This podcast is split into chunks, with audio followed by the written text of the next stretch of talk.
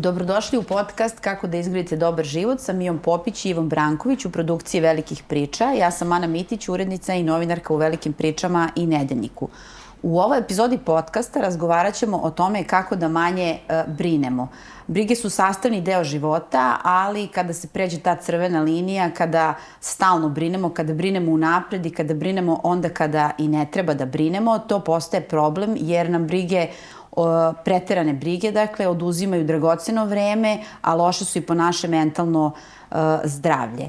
Za početak ću izneti jedan uh, veoma dragocen podatak, a to je jedno istraživanje uh, koje je objavljeno 2020. u časopisu Behavior Therapy, a to je da 91% stvari o kojima su se ispitanici brinuli nisu se nikada ostvarile. To zapravo govori da mi mnogo često i najčešće uzalud brinemo, je li tako? I zato ćemo sada govoriti o tome kako da brinemo manje, jer evo upravo taj podatak kaže da nema potrebe da toliko brinemo da će na kraju negde biti sve okej. Okay. Mm. Ali dobro, nije jednostavno ne brinuti, to je kao ono kad nas neko teši nemoj da brineš, a mi nastavljamo da brinemo i ta rečenica nam ne pomaže. Uh, prošle godine je Ipsos radio istraživanje i pet najčešćih briga globalno uh, kod ljudi širom sveta bile su inflacija, siromaštvo, društvena nejednakost, kriminal, nasilje, nezaposlenost i korupcija. To su dakle global, globalni problemi, ali svako od nas ima neke svoje lične brige. Pa evo Miju da pitam za početak, eh, kada ljudi dođu na psihoterapiju ili kada pričaš sa ljudima na temu briga, šta je to o čemu najčešće brinu? Meni je super što si ti se dotakla ovog nekog globalnog konteksta, jer to svakako E, donekle određuje temu individualnih briga. E, meni je možda najzgodnije da ti dam odgovor sa osvrtom na one neke stvari koje u proteklom periodu možda najviše čujem na psihoterapiji. Dakle, ljudi se dosta brinu recimo oko toga šta će biti s njihovom decom, da li su im deca zdrava, da li će da upišu školu ili neće. E, brinu dosta oko zdravlja svog i tuđeg. Finansije su često tema brige e, ponekada su teme možda malo više psihološke, ako tako mogu da kažem, a manje konkretne, pa recimo brinu oko postignuća, e, brinu oko sobstvene vrijednosti, kako ih drugi percipiraju e, u poslovnom ili u ljubavnom kontekstu, e, briga oko različitih ishoda, da li ću dobiti posao, da li ću izgubiti posao, da li ću se ikada ostvariti u određenoj ulozi, bilo da je to majčinska ili partnerski odnos, briga oko ljubomore, raskida, mislim sad onako ne bacujem sve što čujem, kao što vidiš puno je puno tu je tema. Um, u principu mi možemo da brinemo oko bilo čega što je za nas u nekom vrednostnom smislu ovaj, važno, nešto oko čega svoj život vrednujemo i gde god možemo da anticipiramo potencijalan negativni ishod ili da pomislimo da je negativni ishod moguć, tada se aktivira briga. Da, ali brige su i normalne, je li tako, Iva? Brige su i važne da bismo mi preživeli. Pa naravno, mi tu sad treba odmah možda u osnovi da napravimo tu uh, tu razliku kada je briga zdrava ili funkcionalna, a kada nije i da kažemo da ćemo mi ovde da pričamo o brigama kao onim dugotrajnim obsesivnim brigama koje, koje kad već i sami prepoznamo da nas one opterećuju. Briga naravno ima svoju funkciju, zabrinutost ima svoju funkciju jer moramo da promislimo o stvarima i da, da pokušamo da ih razumemo, da, da izvagamo opcije, da razmišljamo o alternativama. To je uh, nešto drugo, to je rešavanje problema. Onda kada o tome ne prestajemo da mislimo, kada mislimo dugo, kada nam to, kada uđemo u začarani krug da nam način na koji mislimo o stvarima već postaje sam po sebi težak, pa se čak onda dešava i ono da brinemo što brinemo i da se da ulazimo jel, u, u to jedno psihičko stanje, onda zapravo govorimo o tim brigama koje nisu, nisu korisne. Mi pribegavamo brigama zato što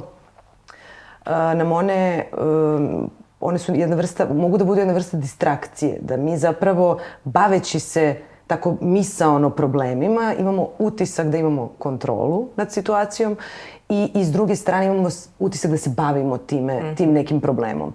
A korisno je da se njime bavimo do jedne tačke, a onda prestaje da bude korisno. Mislim da je to dobro da, da danas nekako objasnimo, zato što naravno da kada smo, da, da se treba brinuti oko stvari koje su e, ozbiljne i teške. Ove primere koje si ti navela vezano za globalne brige, da, svet je u prilično problematičnoj situaciji. Ima mnogo stvari o kojima ne možemo mislimo pozitivno, ali način na koji o tome mislimo može da bude funkcionalan ili manje funkcionalan, odnosno da, da o tome mislimo tako što ćemo da promislimo, da to negde uh, prihvatimo, da se sa, sa tim korisno suočimo ili da samo to vrtimo i da nas onda to onemogući da, da funkcionišemo adekvatno. Ja bih ovde dodala jednu stvar, baš sad nadovezujući se na ovo što je Iva rekla. To znači, i to možda odmah na početku da pojasnimo, da svrha ovog našeg podcasta danas nije da ljudi manje brinu, mm. nego da funkcionalnije brinu, da razumeju gde ima smisla brinuti, baš zbog ovih e, globalnih faktora koje si spomenula, mi ne želimo ljudima da kažemo da oni nikada ne treba da brinu, nego da razdvojimo šta je ono što se u kognitivno-behavioralnoj terapiji kaže zdrava zabrinutost, koja je zapravo utemeljena u činjenicama, u nekim realnim naznakama da možda jesmo u ugrožavajućoj situaciji, da se stvarno dešava nešto zašto prosto imamo dokaze da nije dobro, bilo lično ili društveno, i da onda zdravo brinemo i da to bude podstica i za ovo što je rekla Iva, rešavanje problema, nasuprot e, te neke preterane brige koja je zapravo samo jedan privid da mi rešavamo neki problem. Da, u, upravo bi trebali da napravimo tu razliku, ali sam htela da pitam koja je uloga straha kada je u pitanju uh, uh, uh, briga? Ovde je mnogo važno da razdvojimo strah i brigu, jer strah je emocija, a briga je zapravo način razmišljanja. Briga je jedna vrsta misaone strategije kojom mi stvaramo sebi privid i doživljaj da rešavamo emociju straha. Tako da, mislim, to, to je mnogo bitno da, da nekako ljudi danas razumeju iz ovog razgovora, briga nije emocija. To je zapravo jedan misaoni obrazac mm -hmm. gde ti postavljaš razna pitanja, najčešće su ona u formi šta ako, jer se u datom trenutku možda stvarno i osjećamo ugroženo, ali onda krećemo kroz brigu da preuveličavamo problem zato što mislimo da moramo da budemo spremni za sve moguće ishode koji ne kažem da nisu mogući, znači baš zato što brinemo oni su mogući, a se postavlja pitanje koliko su verovatni. I ako to možda mogu najbolje da pojednostavim kroz neki primer, recimo vi možete da odete kod lekara i da stvarno imate neke naznake, neke parametre koji su možda sniženi. I vi možete da budete zdravo zabrinuti jer ti realni pokazatelji postoje i da sad iz te zdrave zabrinutosti prosto sačekate razgovor sa lekarom, vidite šta će on da vam kaže, da osmislite neku strategiju. Ili možete da krenete, što ljudi često rade, da googlaju po internetu i da razmišljaju koji su svi mogući ishodi, pa kad vide da su mogući, onda proglase da su 100% verovatni. I to je problem sa brigom. Što mi uzmemo sve što je mogući negativan ishod, u ovom slučaju neki zdravstveni, mi kažemo, ali to je onda sigurno tako i onda krenemo da se brinemo i krećemo da pravimo strategiju oko ishoda, kao što si ti rekla u uvodu, koji se na kraju često nikad i ne dese. Tako je, evo ponovit ću, u 91% slučajeva sve naše brige se ispostave kao nepotrebne mm. i ti svi scenariji loši koje mi pravimo se ispostavi, za njih se ispostavi da se neće desiti, da se nisu uh, ni desili. Ali hajde onda da, na, da kažemo šta je prava mera, ako tako mogu da kažem, kako da napravimo uh, tu razliku, uh, šta je opravdana briga, a šta je e, prevel, preuveličana briga koja te na neki način i parališe, uh, šta je preterivanje kada je u pitanju uh, uh, briga. Ja razumem da se u nekim momentima života javlja pojačana briga, naravno kada je ugroženo zdravlje, kada je ugrožen život, ali kada su stvari manje više, da kažemo, okay, Uh, kako da napravimo granicu, da kažem, da prepoznamo, da preterujemo, da smo previše zabrinuti. Pa, uvek je to, ta razlika između zdravih i nezdravih emocija, uh, to je, tu je u priči u stvari intenzitet i trajanje. Mm -hmm. Jer uh, sve ono što, što je jako intenzivno i što dugo traje, vrlo verovatno nije funkcionalno, jer je poenta u stvari sa zdravim emocijama uh, odnosno razmišljanju o događajima, pa i onda i emocijama, da, da mi probamo da emocije budu primerene situaciji. Kao što smo sad rekli, briga je uh, u situacijama koje su loše, ugrožavajuće, zabrinjavajuće, briga je ok, reakcija na takve stvari, i, ali bi trebalo da vidimo kog je intenziteta i koliko traje. Znači, ako se dešava neka loša situacija, u redu je da ja o tome razmišljam, analiziram, kritički promišljam, savetujem se, sagledavam jel, različite alternative, ali u jednom trenutku odlučujem šta u toj situaciji je dobra strategija za dalje delovanje i prestajem da brinem nego delujem i onda idem dalje jel, sa, sa ponašanjem. A uglavnom kada pričamo o ovom, o nezdravoj brizi, onda je to jel, to stalno promišljanje, vrtenje u krug oko tih nekih problema koje ne možemo da rešimo, ali sagledavamo sa različitih strana. Vraćanje, mi se često brinemo oko stvari koje ne možemo da rešimo, pa onda tu pokušavamo nešto da, da razumemo ili da se nekako postavimo. Ali u stvari poenta, razlika je ključna u tome da to bude koliko je to moguće, to je uvek individualno, ali primereno u smislu da promišljanje o nečemu i briga o nečemu treba da ima za ishod neko uh, neku strategiju kako ćemo u odnosu na to da se postavimo. Bilo da ćemo da odlučimo da o tome nećemo više da mislimo, jer to je okej, okay. neke situacije su nerešive, kao kada razmišljamo o ovim ozbiljnim globalnim fenomenima. Mi do jedne tačke možemo da brinemo o njima, ali onda moramo da nastavimo svojim životom. E sad, nezdrava briga bi bila ako ja nastavim da brinem zbog svih tih problema koji postoje na globalnom nivou i ne mogu da funkcionišem u svom svakodnevnom životu ili počinjem svoj život da ograničavam zato što se dešava nešto nešto tog tipa sa druge strane. Znači, to je poenta, samo da, da, da probamo da primerimo brigu okolnostima, da bi ona bila funkcionalna, da bi nam omogućila da, da se suočimo sa problemima i da ih rešavamo, a ne da nam ona bude još jedan faktor koji nam otežava funkcionisanje. A kakva je veza između pretrane brige i anksioznosti? Da li ta pretrana briga, preokupiranost brigama kada nema osnova, a, može da pređe u anksioznost. Tako je. Znači, I kako se to dešava? Briga, uh, briga je ta jedan, uh, jedna kognitivna, misaona osnova anksioznosti i mi što više brinemo, znači promišljamo sve te najgore moguće scenarije, promišljamo šta ako, stvaramo neki doživljaj kao da se pripremamo za negativan scenario i to je često i funkcija brige samo uh, nam se to obično onda nekako vrati kao bumerang. Dakle, kompletan taj način razmišljanja hrani anksioznost. Mm -hmm. I, mhm. I tu onda zapravo to je onako jedna povratna sprega. Što vi više promišljate raznih negativnih scenarija i najčešće u formi pitanja šta ako, odgovor je onda opet neki horror scenario i onda to sve zajedno uh, pojačava anksioznost. Postoji ta briga unapred. Skloni smo mm. da brinemo o nekim stvarima uh, unapred i da promišljamo i da sagledavamo koji su sve to scenari, kada je to, ta zabrinutost u napred u redu, a kada nije u redu? Pa nije u redu onda kada je parališuće, jer baš ovo što je Mija rekla, to, to je ono što može da se desi sa brigom, da se mi toliko isprepadamo od sobstvenih misli, od scenarija šta bi sve moglo da se desi, da onda i ne ulazimo u neke poduhvate. Onda ne radimo neke stvari jer postoji toliko mogućih negativnih ishoda, a pošto smo ih tako dobro promislili, oni postaju jel, nekako i verovatni. Uh, da onda se jednostavno ne upuštamo u rizike, u nove stvari, u bilo šta što, što nam je nepoznato i što nam je zastrašujuće. I, I zato je, to je u stvari problem sa preteranom brigom, što podgreva kada je preterana, ona nije dobar odgovor na strah jer ga ne umiruje, nego ga podgreva i pojačava.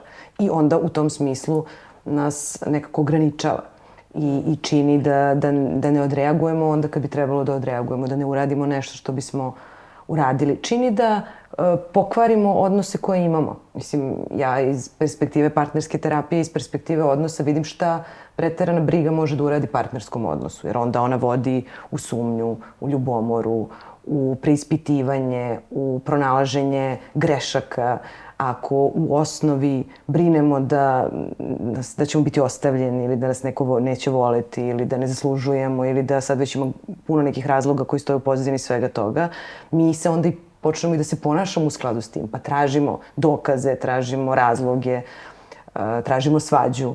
I, I onda ta briga postaje ono što se zove samo ispunjujuće proročanstvo, mm. pa onda tu dobijemo paradoksalno i tu poruku kao pa eto vidiš da si bio pravu, ali zapravo ne. zapravo si kreirao situaciju u kojoj se briga pokazala kao opravdana zato što si bio vođen brigom. I toga treba To, Ajde tu treba biti obazriv. Da, da pričamo baš o tome šta nam briga, pretrana briga mm. radi, da bi pokazali zašto to nije dobro, pa ćemo posle toga reći kako da se oslobodimo te preterane brige. Uh, Uh, već si spomenula partnerske odnose, znači preliva se na odnose sa ljudima, ali nam i oduzima vreme.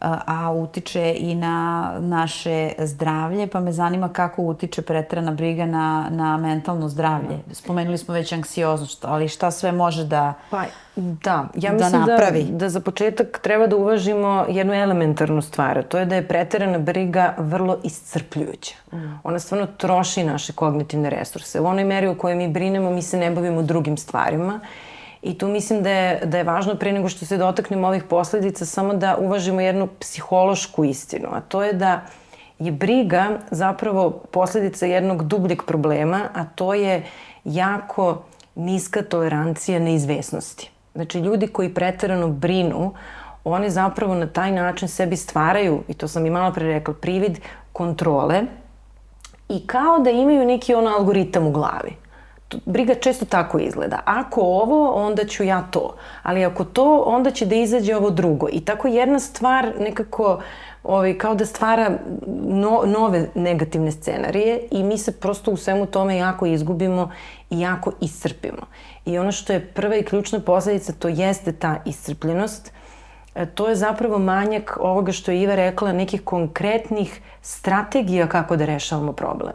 Jer, mislim, ja sam to skoro i negde pročitala ovaj, i mnogo mi se dopala ta definicija. Mislim, naletala sam na to na društvenim mrežama, ali stvarno je vrlo, vrlo ovaj, smisleno da je briga zapravo pokušaj da rešiš matematički zadatak tako što ćeš da žvaćeš vaku.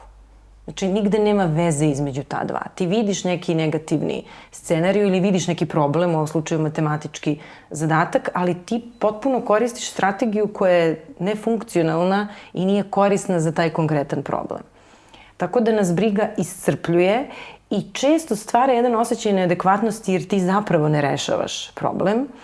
Uviđaš koliko nemaš kontrole nad, nad svetom, a mislim često na kraju ovaj, shvatimo da nemamo. I ono što je e, glavna posledica kad pričamo o mentalnom zdravlju, i ja to vidim najviše u psihoterapiji, to je doživljaj neadekvatnosti jer brinemo. I to je taj sekundarni problem, kako mi to zovemo u kognitivnoj behavioralnoj terapiji. Ti stalno oko sebe slušaš da je briga opasna, da je stres opasan, da neki ljudi koji su bili pod velikim stresom su se razboleli, da. što mislim, da, ne kažemo to, tu ima istine u svemu tome, ali ta ideja sama po sebi stvara još veći problem onima koji brinu, tako da oni ne samo da brinu, nego i brinu povodom toga što brinu, onda pokušavaju sebe da iskontrolišu, a to je teško, I onda kada ne uspeju, onda još od toga naprave veći problem, evo zato što brinem, sad ću sasvim sigurno da se razbolim i slično. Tako da to je stvarno kao jedna ono ovaj, grudva koja kad se zakotrlja postaje sve veća i zaista na kraju može da utiče na naše mentalno zdravlje, ali paradoksalno ideja nije nemojte da brinete, nego ok je da brinete. Ali da li hoćeš da kažeš da mi možemo da upravljamo svojim brigama? Znači da pametno sa njima Možemo, ali postupamo. paradoksalnim tehnikama. Ne tako što ćemo reći sebi da ne brinemo, i mislim dotaći ćemo se i toga danas, nego tako što ćemo primenjivati tehnike koje nam daju dozvolu da brinemo. Upravljanje brigama se paradoksalno dešava kroz dozvolu da brinemo, tako što ćemo između ostalog to i da stavimo u svoj dnevni, u svoju dnevnu agendu i izdvojit ćemo vreme kad ćemo da brinemo. Mhm. Mm Zanimljivo. a, a, hoću da postavim jedno pitanje koje ima veze sa ovim što si rekla a, malo pre. A, da ljudi kad slušaju te priče nemojte da brinete, razbolećete se od brige i tako dalje, da im to samo još više ovaj, podstiče a, brigu. A šta je sa tim kad se ljubav izjednačava sa, brig, sa brigom? A, u smislu Uh, jako mi je stalo do tebe i ja tebe volim i to ti pokazujem tako što mnogo brinem uh, o tebi i kad treba i kad ne treba i kad onako potenciram to i čini mi se da, da, da se to javlja kod roditelja u odnosu uh, sa njihovom decom. Pa da, mi imamo to kao, kao narativ o roditeljstvu i tako nekako prvo učimo da ljubav jeste briga, s tim što uh, bi to trebalo tako da bude na određenom uzrastu, a da onda se posle toga smanjuje. E, kada se ta briga nastavi kasnije, onda to, to ume da bude opterećujući. Tada se u stvari dešavaju problemi, jer adolescentima nije potreban onaj nivo brige i, i, i nadzora roditeljskog koji roditelji često ovaj, demonstriraju, zato što ne mogu da iskontrolišu svoju brigu. A onda kada, kada rastemo, mislim, i to koliko mi brinemo zapravo zavisi od toga, od konteksta u kome, u kome odrastamo i kako, kako smo nekako naučili. Zavisi, ja mislim, od kulturološkog konteksta, mislim da mi ovde brinemo, da, da je to prosto nama uh, blisko, uh, između ostalog i zato što nam je istorija takva da je prilično turbulentna, nama se ovde su se dešavale neke vrlo onako e, iznenadne, neočekivane stvari i, i ratovi i izbeglištva i mislim prosto nismo kao narod nego ko bi kao mogu da bude baš sad potpuno opušten, kažemo imali smo ne znam 100 godina mira. A, a s druge strane onda se to preliva na porodični kontekst i onda se to preliva na to kako doživljavamo ljubav. I ja mislim da ima do, dosta tog narativa ljubav je briga, a, a posebno ga ima onda kada nismo naučili drugačije načine da budemo zajedno. Jer ljudi koji e, uglavnom brinu o odnosu, oni su takvu vrstu ljubavi isključivo dobili ili su o njima obsesivno brinuli ili su oni morali da brinu o svojim roditeljima e, zato što su roditelji iz nekog razloga bili, nisu bili potpunosti funkcionalni.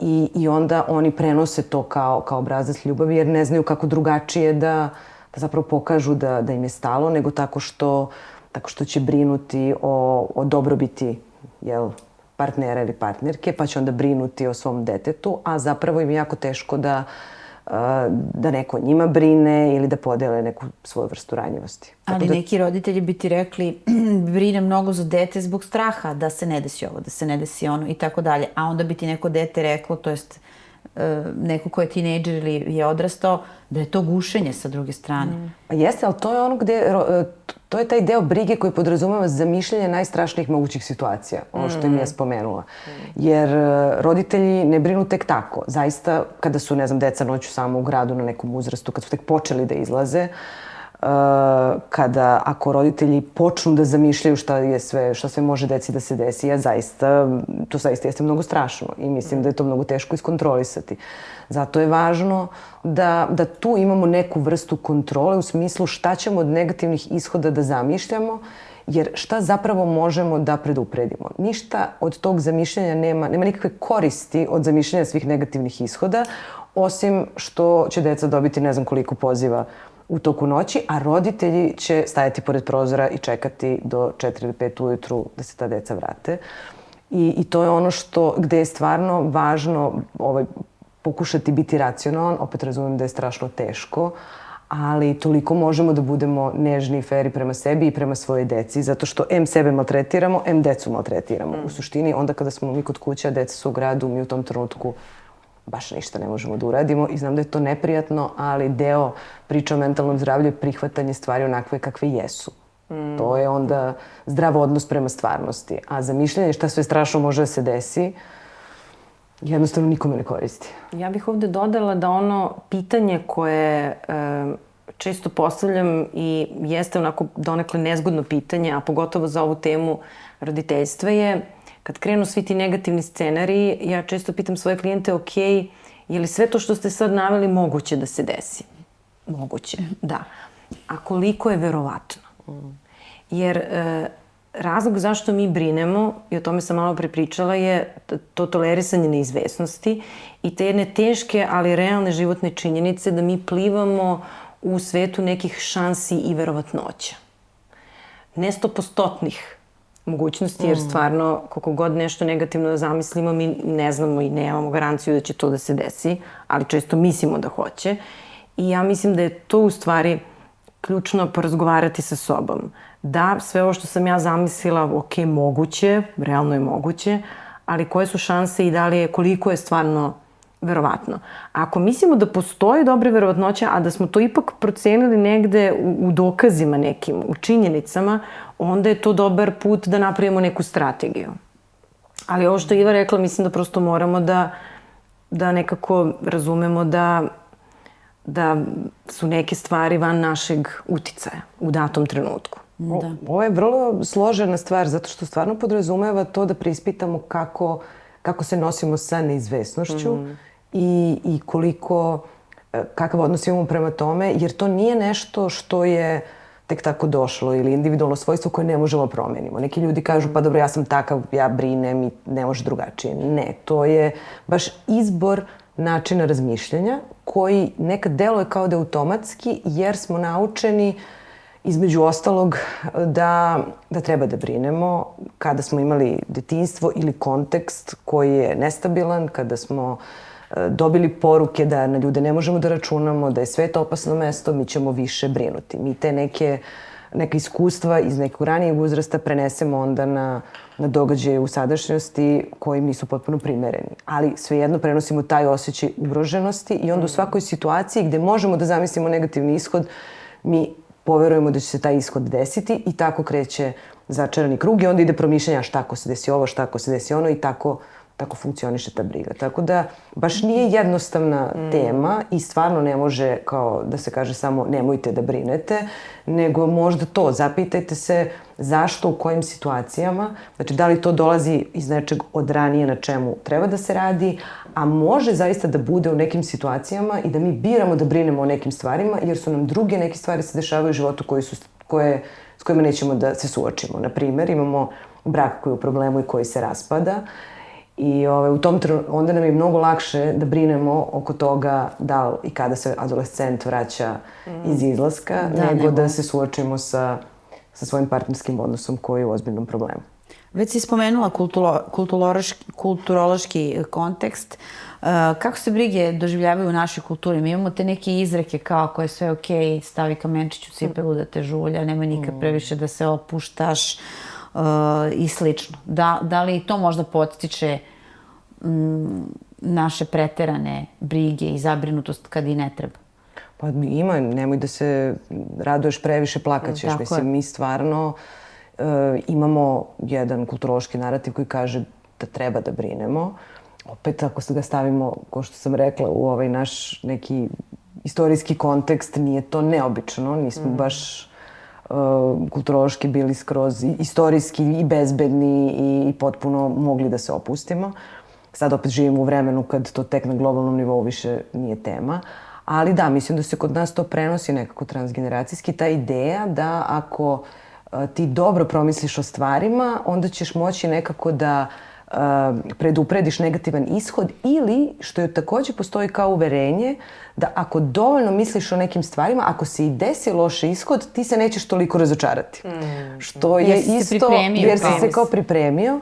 A, ovaj, a i okej, okay, do jedne tačke nećeš biti iznenađen i naravno to je sad onaj deo koliko da, da treba misliti o stvarima i treba zdravo brinuti, ali ne više od određene granice. Tako da ako određeno mislimo o stvarima, mi možemo da preveniramo i da budemo iznenađeni sve, ali ako nastavimo, onda to sve bude To je stvari, nema opuštanja. To je ta nema, poruka. Nema, nema opuštanja. Nema opuštanja i nemoj nikada sebi da dozvoliš taj neki mali trenutak spokoja, mira i sreće, jer nikad ne znaš šta vreba iza ćoška. I to je stvari jedna filozofija potpunog nepoverenja u svet. Jer briga je u stvari to. Ti nikad ne znaš šta će da se desi, a ako su nam iskustva i bila takva, onda ta filozofija je vrlo laka da se nekako razvije u jedan pogled koji nam ne pomaže baš mnogo. Ali postoje ljudi kod kojih je e, ta krizna situacija i stalna briga jedno normalno stanje, oni kao da ne mogu da funkcionišu uh, van toga, nego je uvek briga oko nečega. Kakav je to tip ličnosti? Pa, Zašto je to tako? Ovo je mnogo kompleksno pitanje i ja nekako ne bih da sad stvari previše pojednostavimo, ali mm. dobar deo toga sasvim sigurno može da bude reakcija na neke e, traumatske doživljaje mm -hmm. u odrastanju. Jer e, stvarno moramo malo i tu brigu da normalizujemo.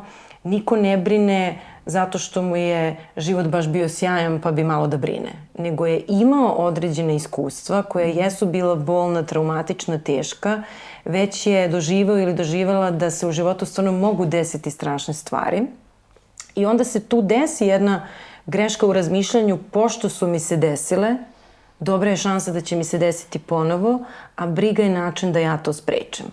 Tako da, to stvarno može da bude jedna vrsta mehanizma kojim, kojim mi pokušavamo da se zaštitimo od ponovnih povreda, jer osjećamo i znamo koliko je to strašno kad se desi. Da, dakle, hoćeš da kažeš da nije to ta, tek tako bez osnova, tako je. ali se sklizne u tu pretranu brigu umesto da se to rešava na neki možda pametniji način. Tako je. Dakle, hoću da kažem da je način. tu sa razlogom, jer jeste posledica nekih traumatskih iskustava, nije funkcionalno, jer nam suštinski ne pomaže da se mi zaštitimo od svega toga, ali mislim da je važno da razumemo to kao sastavni deo nečega što je bilo bolno u datom trenutku i nismo bez veze razvili tu vrstu strategije. A šta je sa ljudima koji su hronično zabrinuti? Postoji ta hronična zabrinutost. Šta to znači? Zbog čega su oni hronično zabrinuti? Da li je to ovo što Mija priča ili je sad to nešto drugačije? To jeste to, zato što mm. je uh, u stvari hronična zabrinutost znači da se oni stalno osjećaju ugroženo mm. i da nema opuštanja. Svet je opasno mesto, desit će se ozbiljne, ozbiljni problemi, desit će se izazovi, ljudi nisu pouzdani, znači to ide iz jednog uh, onako mindseta, odnosno načina razmišljanja koji kaže da da nema opuštanja i da samo ta briga u stvari održava ona u tom smislu, mislim kada govorimo o hroničnoj zabrinutosti, to je baš ekstremnoj zabrinutosti, onda govorimo o tome da ljudi koriste tu strategiju kao ono njima čak i funkcionalna da bi o, nekako organizovali strah koji osjećaju povodom jel, mm -hmm. okruženja koje, koje je tako zastrašujuće. I, I to jeste nešto što, što je prilično ozbiljna stvar i, i što na, na čemu tek mora ozbiljno da se radi, a mi, mi ovde dominantno pričamo o ljudima koji onako u određenim periodima u životu dosta brinu. Jer briga se u stvari okida onda kada smo mi generalno pod stresom i mi je koristimo da regulišemo to svoje mm. negativno stanje. Znači, strah, zabrinutost, osjećanje uh, da, da ne možemo kontrolišemo situaciju, strah od neizvesnosti. Mi se uglavnom brinemo oko stvari koje nam se do sada nikad nisu dogodile. Znači, ne brinemo se oko stvari koje smo već negde imamo u iskustvu. Mm. Mi, zato su ti scenari i ta zamišljanja tako strašna. Da. A ima još jedan, jedna činjenica koja stoji da stvari nikada, i najgore stvari koje se desi u životu, nikad nisu onako strašne kao što smo ih mi zamišljali. Tako je. I to će vam reći svi ljudi koji su zaista prošli kroz jezive stvari. Mm. Jer jednostavno onda kada zamišljamo stvari, mi ih uvek zamišljamo najekstremnije i ono što previđamo onda kada zamišljamo stvari je sobstvena snaga i rezilijentnost. I sobstvena sposobnost da se suočimo sa, sa situacijama. I zato je briga problematična, jer mnogo je bolje i zdravije suočavati se sa situacijama onako kako se dešavaju, imajući veru u to da ćemo na osnovu svojih kompetencija, mogućnosti, iskustva da sa njima izađemo na kraj, nego zamišljati ih, jer u tim zamišljanjima mi nemamo sve te veštine i onda su ti ishodi jezivi. A kad nam se stvarno loše stvari zaista dešavaju, aktivira se sva naša snaga, aktivira se naša rezilijentnost ili ta otpornost, odnosno sve naše sposobnosti i mi smo u teškim situacijama mnogo jači nego što smo to ikad mogli da zamislimo. Da, da, ovde, ovo što ti kažeš u stvari se svodi na, na ideju da mi kad brinemo, mi preuveličavamo negativnost ishoda, mm. a pocenjujemo sobstveni kapacitet da se sa njim nosimo. Mm. I zato je briga tako zastrašujuća. A kad se realne okolnosti dese, tad se aktiviraju svi naši mehanizmi za preživljavanjem o kojima mi ne razmišljamo kad brinemo. Tad samo razmišljamo kako se nećemo snaći. Da, ovo je super što ste rekli. Mm. Pre ovog našeg podcasta si mi rekla uh, kad smo razgovarali o tome šta će biti tema, da se čitave porodice eh, znaju organizovati, da se organizuju oko brige. Šta, šta to znači? Pa to, briga ume da bude to, ili obrazac ljubavi ili deo porodičnog narativa uh, u smislu načina kako uopšte razmišljamo o stvarima. Sad meni pada na pamet to kad se recimo kroz porodicu transgeneracijski prenosi recimo ideja da je najopasnija stvar imati pa nemati. To su porodice koje su, ne znam, bile imućne pa su izgubile. Mm -hmm. Jel, to kroz, kroz vreme i sada su tu nove generacije koje su recimo i koje žive dobro, koje su stekle, ali dalje postoji taj strah, odnosno briga da će se sve, da će sve to nestati. Zato što se desilo da je, ne znam, neko, ovaj, taj prade da je posle drugog svjetskog rata izgubio nešto. Tako da, e, briga ume da bude veliki deo porodičnih narativa, ovo je jedan, može da bude ako, je, ako su se dešavale bolesti, ako porodice imaju iskustvo to rata, izbeglištva, onda se to jednostavno prenosi svesno ili nesvesno kroz, kroz taj porodični narativ. I, ovaj, a neke porodice jednostavno se onako udruže oko toga pa se brinu oko zdravlja, pa onda umeju i da se zatvore i da organizuju svoje funkcionisanje oko toga. Znači, briga ume da bude... Mislim, ja mislim da ona prilično uh, uh, ume da izoluje ljude s jedne strane, zato što je to jedan vrlo usamljen posao, ja mislim, kad brineš, mm. posebno obsesivno, jer to moraš sam ipak da bi onako da. se odvojiš vreme i da vrtiš, vrtiš, vrtiš, jer drugi ljudi ti možda i daju neki argument da prestaneš da brineš. Ali s druge strane, ako se nađe, ako se u porodice, porodice organizuju oko brige, ako se par organizuje oko brige, onda se opet oni zatvaraju za spoljni svet. Jer onda se brinu oko, ne znam, mogu da se brinu oko zagađenja, brinu se oko zdravlja, oko hrane, oko, oko bilo čega i postaju prilično zatvoreni za, za funkcionisanje. To mi Koja padaju na pamet sada u filmovima, ovi što prave ona skloništa pa se plaše nuklearnog rata pa se ti onda odvojiš od svega toga. To je sistem organizovan brigom.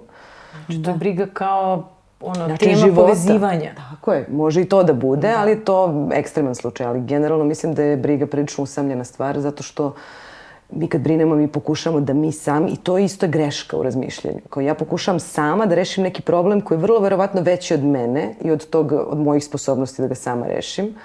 Zanemarujem one sposobnosti koje imam, zanemarujem kontekst koji imam, nego vrtim, vrtim, vrtim. I zanemarujem i snagu drugih ljudi. Mm. Jer recimo roditelji kad brinu o adolescentima na polju, oni potpuno zanemaruju uh, to svoje sposobnosti svoje dece da se snađu u situacijama. Zaboravljaju da će ih da. dete pozvati kad mu bude problem. Zaboravljaju da ta deca imaju neko okruženje koje će se javiti ako se nešto desi.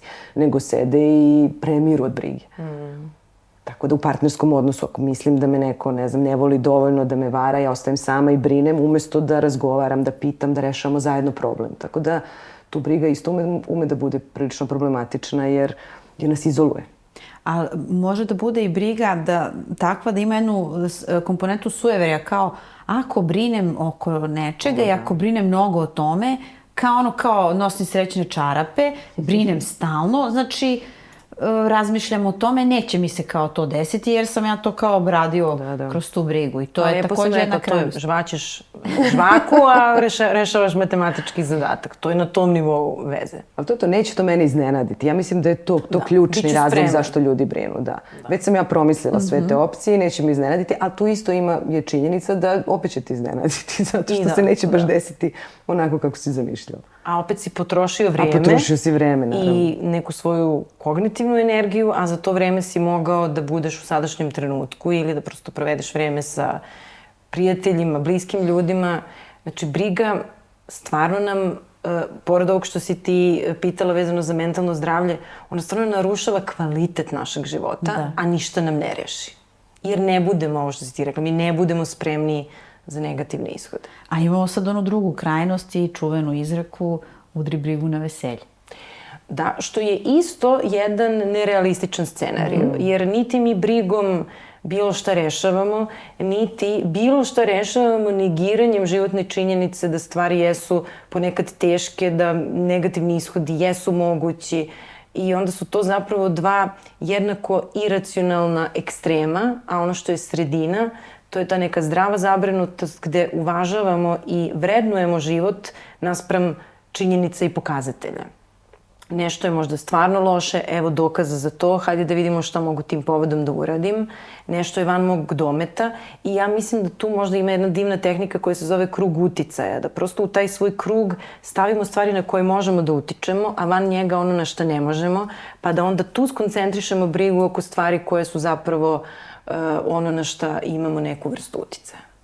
Pre nego što pređemo na deo uh, koji se tiče toga kako da te naše brige uh, ne da kažem smanjimo, da manje brinemo, nego da se nekako... Da zdravo brinemo. Da zdravo mm, brinemo, mm. da pametnije postupamo sa njima. Uh, hoću da pitam još jednu stvar, a to je kako briga utiče na odnose sa ljudima. Ti si to malo zagrebala, malo pre si rekla uh, govorila si u stvari o partnerskim odnosima, ka, kako e, e, preterana zabrinutost i briga remeti naše odnose sa drugim ljudima. Mm. Pa mislim da se upravo to dešava, da ona opterećuje, može da opterećuje odnos jedne strane, u smislu da, da mi imamo neka očekivanja, kao kad pričamo sad o to o roditeljstvu, odnosno sad o adolescentima, jer tu se baš vidi kako, kako briga ume da bude teška kad je neprimerena. Uh, u partnerskom odnosu takođe može da napravi ozbiljan problem i pravi ozbiljan problem e, zato što s jedne strane nas čini da pokušavamo da razrešavamo stvari bez da uključimo drugu osobu. To je to kada mi brinemo, promišljamo, pa onda tražimo, to je to zamišljanje negativnih scenarija, mi onda počnemo da tražimo um, negativne stvari, tražimo uh, loša ponašanja, tražimo poruke u telefonu, tražimo različite neke dokaze da, da smo u pravu.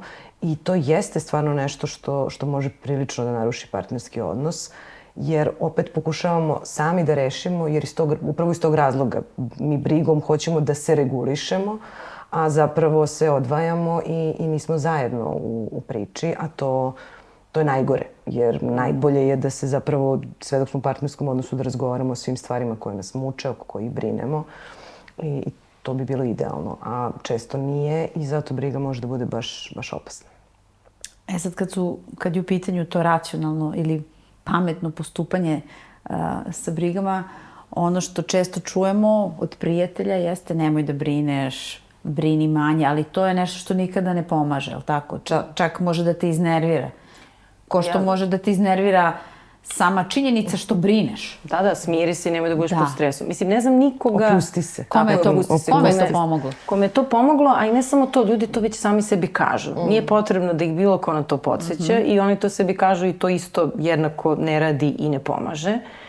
Um, je, postoji jedna stvarno divna i vrlo jednostavna tehnika koja se koristi u kognitivno-behavioralnoj terapiji. Donekle je paradoksalna tehnika koja kaže i bazirana je na činjenici da mi ne možemo svoj mozak da ukrotimo na taj način u smislu prestani da misliš. Možemo da upravljamo brigama tako što ćemo stvoriti vreme u toku dana kada ćemo da brinemo. I ta tehnika podrazumeva neke tri faze. Jedna je prvo da opredelimo vreme kada ćemo da brinemo, recimo 20 minuta ili pola sata dnevno, najbolje uveče, da bismo tokom dana mogli da funkcionišemo, to je prvi korak. Drugi korak je da primetimo u toku dana dok prolazimo kroz dan, da se brige javljaju i da ih odložimo. Dakle, ne da kažemo ne, neću sad da brinem, nego odlažem ovo i brinuću o tome u šest. A onda kada sednemo u šest, onda stvarno popišemo sve te misle koje su nam prošle kroz glavu i proverimo koliko su realno utemeljene, da li možemo nešto na to da odgovorimo, da li možemo da ih provučemo kroz neki filter te verovatnoće, u smislu da moguće, ali da li će stvarno 100% da se desi. I u terapiji ta tehnika stvarno daje rezultate i, i kad sam se pitala šta je u stvari suština, suština je dozvola da brineš. Ne zabrana da brineš, mm -hmm. nego dozvola da brineš i da organizuješ tu brigu u pola sata dnevno. To ne znači naravno da se one neće javljati i u drugim periodima dana, ali tada sebi kažeš, ok, mislim što bi rekla Scarlett O'Hara, brinuću o tome sutra, sutra. ili brinuću o tome u šest. I ja stvarno mislim da je to jedan od načina. Dozvoliti sebi da brinemo. A, ono što je Mija sad spomenula, ja sam to videla među tehnikama, jeste da je uh, dobro da sedneš pa da zapišeš koje su to mm. brige. Da li ta tehnika stvarno pomaže? Pa korisno je izgovoriti mm -hmm. uopšte. Mislim, ne moraš da zapisuješ. To je dakle. velika da. moć psihoterapije, ali zato kažem bilo kome izgovoriti. Jer onda kad izgovorimo svoje brige, ponekad vidimo koliko su iracionalne. I, I onda ne možemo tako da ih negujemo kao što ih negujemo u svojoj glavi kada, kada vrtimo sve te različite filmove. Tako da svakako je korisno zapisati, svakako je korisno o tome razgovarati. Uh, korisno je sebe, koliko je to moguće, naravno, empatično konfrontirati onda kada zaista odemo u, u krajnosti, a to možemo manje više da prepoznamo kad počnemo da zamišljamo scenarije koji stvarno nisu verovatni. I, i dobro je vežbati prihvatanje u smislu jer mi brige su zasnovane na tome da mi mislimo da ne možemo da podnesemo najgore moguće ishode. Sad znam da ovo delo je malo bizarno, ali u suštini uh, poenta sa, sa nošenjem sa neizvesnošću je prihvatanje neizvesnosti. Pa mm. onda i kad izbrinemo sve te brige koje imamo, da kažemo, ok, ako sve to bude desilo, vrlo verovatno ću moći to da, da podnesem i da sa tim izađem na kraj. Jer bez toga ja ću ovo moći da podnesem i ja ću ovo moći da preživim. Mi samo nastavljamo u očajničkom pokušaju da nađemo ishod u kome se to neće dogoditi na taj najstrašniji mogući način. Ali ako zamislimo najstrašniju verziju, to je to čuveno šta je najgore što može da se desi. Ako to zamislimo i shvatimo da možemo to da podnesemo, a sve u životu može da se podnese, onda možemo i da zaustavimo sebe u, u tim strašnim promišljenjima, prestavimo hranimo taj, taj osjećaj koji sami hranimo, a onda ga sami pokušavamo da rešimo, pa ga dalje hranimo. Ili, to je kao kad voziš i počneš da razmišljaš o tome, bože, svi ovi ljudi oko mene voze i samo je pitanje ko je ovde pijan i ko je ovde u nekom mm -hmm. lošem. Znači ti u tom trenutku Pa samo zamislite, znači to odmah kreće strah i briga i napetost. Šta možeš da uradiš u toj situaciji? Može da se desi da se neko stvarno zaleti, da te udari kolima i desit će se nešto, ali onda će posle toga neizvestan je ishod. Ne možeš na to da utičeš. Znači jedino što možeš je da ti budeš fokusiran, da voziš svoj auto tačke A od tačke B i da se nadaš da trenutno u kolima nema neko ko je rasejan, ko je pijan, ko ne zna da vozi i ko će da se zbuni, da se uplaši i da napravi haos. A mislim da ovdje ima još jedna stvar baš vezano za, za ovaj primjer. To je dobar primjer da e, prikažemo ljudima neke tehnike koje su bazirane na potpunoj svesnosti, mindfulness. Mm -hmm. e, I to zvuči vrlo neobično, ali zapravo naš mozak brine, a mi smo pametniji od svog mozga. Znači mi možemo da primetimo šta mozak radi. On radi ono što mu je funkcija u evolucionom smislu, mislim hvala mu na tome, on rešava probleme i to je taj fight or flight e, način reagovanja kad smo suočeni s nekim pretnjama, gde fight ili ćeš da se biješ protiv medveda ako ti iskoči negde u šumi ili ćeš da bežiš od njega. E, taj e, mod borbe se ovde dešava na misalnom planu gde mi krećemo da, to jest mozak kreće da produkuje te neke misli, vozim se i sad šta ako neko je pijan ili neko se ono, zaleti u mene. Ali kako ti protiv svog mozga ideš? Kako e, se boriš? To, to je ono što se mene dopalo kod mindfulnessa i ja sam ga neko vreme i, i praktikovala i stvarno sam videla rezultate toga. To je izgradnja te meta pozicije, gde ti svoje misli prosto vidiš kao nešto što tvoj mozak produkuje jer je to njegov posao. Mozak je jedan radoholičar, on hoće da radi, on u tom smislu, mislimo, zbog toga postoji. A ono što mi možemo, možemo da primetimo iz meta pozicije te misli i da ih ne proglasimo činjenicama. Jer to što je meni sad palo na pamet, da će neko u mene da se zaleti u, u prevozu, to je misao, ali to nije činjenica. Znači ti mozgu treba da kažeš kad krene to da radi, e, ajde kao skloni se.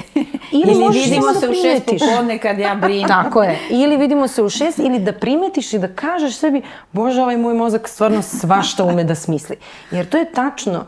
Mnogi ljudi kad bi stvarno bili toliko otvoreni i iskreni, i kad bi stvarno zapisivali sve što njihovom mozgu padne na pamet, pa znaš koliko je tu bizarnih i ono blesavih ideja. Pa mi bi se smejali, verovatno. Smejali Sami se. sebi bi se smejali kad bi sada re, pričali o tome šta nam je sve padalo na pamet, kako ure, će neke stvari da se završi. I ne uradimo sve što je miz, mozak uh, rekao, niti se desi sve što je mozak isprodukovao. Tako da, ta neka meta pozicija i, i mislim tu ljudi mogu malo da izgooglaju, ima super aplikacija, recimo Headspace, ja sam to naučila od IT-evaca s kojima sarađujem, jedna super aplikacija koja te uči kako da primećuješ svoje misli, svoje telesne senzacije, da samo to primetiš i da jačaš svoju metapoziciju iz koje onda bolje upravljaš brigama.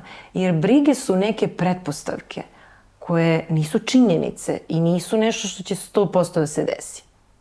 Da. Tako je, a da se fokusiramo na ono što jesu činjenice. Tako Ako je. vozim a pada sneg i klizavo je, treba da brinem i da budem obazriva Jeste. jer je klizavo. Ali i to je poenta u stvari, videti šta je ono što je zaista trenutno važno da se na to fokusiramo da bismo se u odnosu na to aktivno postavili koliko je to moguće ili odlučili da stanemo i nećemo da vozimo ukoliko je, ali je, to je konkretno. A sve ovo drugo postoji, znači nije Nije da ne postoji da je nemoguće, da. ali da li je verovatno i da li se trenutno dešava? Ne, trenutno se to ne dešava, dešava se ovo. I tako pokušavamo, to je sad onako jednostavan primer, ali je na, primenjiv na druge stvari, da vidimo šta je zapravo ono sa čime možemo da radimo, a šta je ono što sve možemo da namislimo i da se onda izvozamo oko toga. Mm. Dobro, spomenuli smo već te tehnike koje mogu da pomognu da uh, brinemo na pametan način, htela bih negde za kraj da naglasimo koliko je briga, pretrana briga loša po, po nas, po našu dobrobit, povezana i sa depresijom i sa anksioznošću i iscrpljuje i krade nam vreme, povezana je sa bolom i sa perfekcionizmom i evo, kad bi te neko pitao sad mi ja, zašto ne treba da brinem toliko, šta bi mu ti rekla?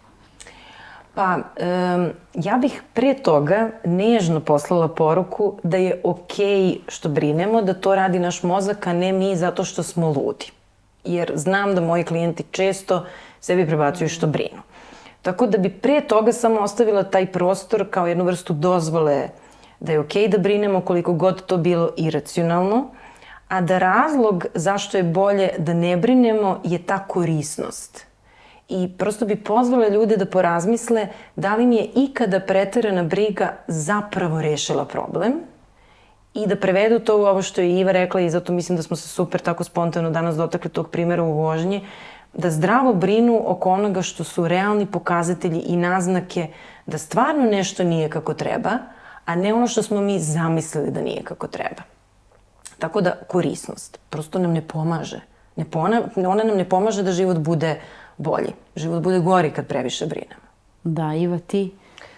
E, pa ja bih rekla da da, pravda za brige, jer živimo u zabrinjavajućem svetu i vremenu, ali način na koji brinemo stvarno može da bude takav da to bude smisleno. Ajde da kažemo tako, smisleno, korisno, funkcionalno, da probamo da, da, da to radimo na, na način koji će da nam pomogne da promislimo stvari, a ne da nas parališe da radimo stvari i da ugrožava naše odnose, jer mislim da to jeste veliki problem kada su brige u pitanju, zato pričajte o brigama. Znam da ljudi imaju taj problem jer kao jer se upravo to, kao ja puno brinem, pa neću da opterećujem drugi ljude, neću da se znam, možda da tu poruku pošaljemo. Mm, Pričajte, mm, pišite, delite, sve što izgovorimo postaje lakše, postaje manje, postaje, vidimo ga drugačije i to može puno da pomogne. Eto, nadam se da ćemo svi manje brinuti. Ili ako brinete, brinite u šest. da, eto to. Da, 2024. brinite manje i brinite u, u šest. šest. Hvala vam puno. Thank you.